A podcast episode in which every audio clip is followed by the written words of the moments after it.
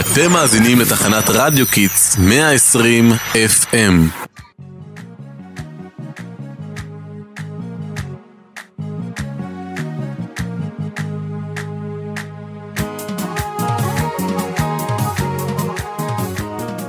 ברוכות הבאות וברוכים הבאים לשידור שלנו, הישר מהארמון הנציב בירושלים. כאן התאספו אלופים לחגיגות חג הסיד. איזה תרגול יש כאן באוויר? שערו על התחנה שלנו כדי לשמוע את כל ההתפתחויות רק אצלנו ברדיו קידס. בהזדמנות זאת נעבור לכתבים שלנו, ליאל ואגם. מה קורה שם? קצת קשה לשמוע אתכם עם כל ההמולה.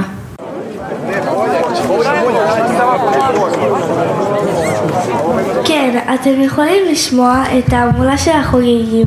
ובכן מאזינים ומאזינות יקרים, חג הסיגד, החג החשוב של עדת יוצאי אתיופיה בארץ, חל היום כ"ט בחשוון, אחרי ימים רבים של הכנות.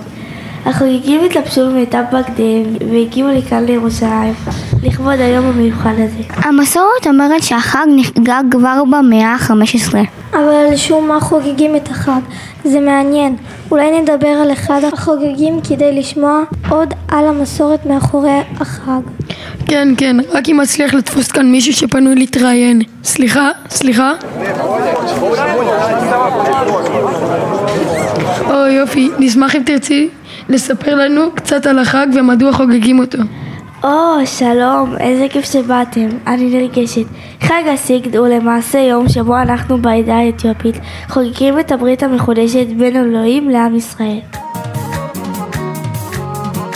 כשעזרא ונחמיה חזרו לארץ ישראל אחרי גלות בבל במאה השישית לספירה. הם הביעו חרטה והשתחוו בפני האל ומכאן גם הגיע שמו של החג סיגד בלשון סגידה. מה שהכי חשוב לספר זה שהחג נחגג במשך מאות שנים כדי לאחד את הקהילות היהודיות באתיופיה. כסמל לגעגועים של הקהילה לציון וכדי להתחנן אל האל שיושיב אותנו לארץ ישראל.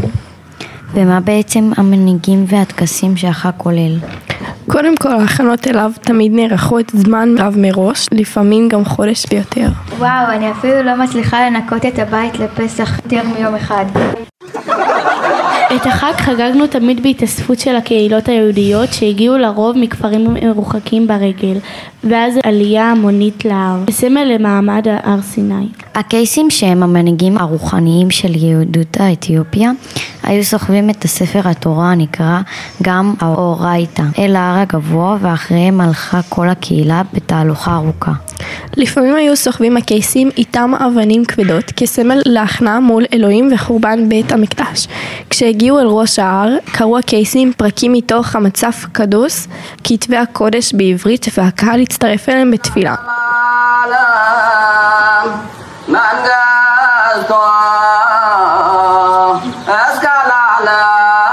בנוסף לקריאה בכתבי הקודש והתפילות, גזרו על עצמם צום.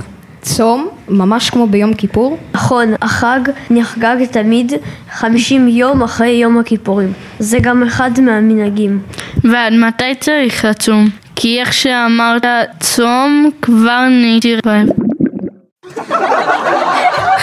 בסיום התפילות הובילו הקייסים את הקהילה בחזרה מן ההר בתקיעת חצוצרות והלכו להחזיר את האורייתה לבית התפילה.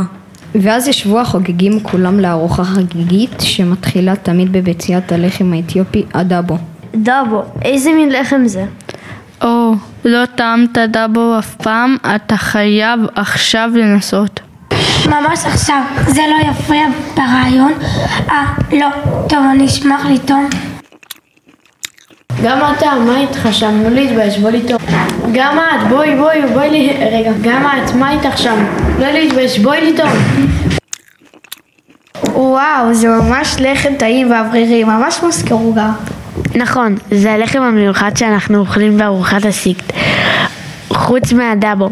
אה, הרבה פעמים היינו שוחטים פרה במיוחד אה, בשביל ארוחת הסיקט. אני גם אוהב לאכול בשר, במיוחד ביום שישי.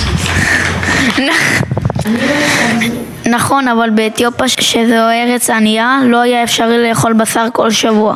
לכן שחיטה של פר לכבוד הארוחה הייתה מאורע מיוחד מאוד. הקהילה ממשיכה לחגוג את החג כדי לאחד ולכנס את יהודי אתיופיה ולהתחבר אל השורשים שלנו. ובגלל שאנחנו כבר בירושלים, כפי שחלמנו במשך אלפי שנים, אנחנו חוגגים את החג בארמון הנציב ליד הר הבית, היכן שעמד בית המקדש. ולמה אתם מחכים בחגיגות? אני, אני הכי אוהבת שבסוף הארוחה החגיגית יש מוזיקה וריקודים היסטוריים. תשמעי את המוזיקה היפה.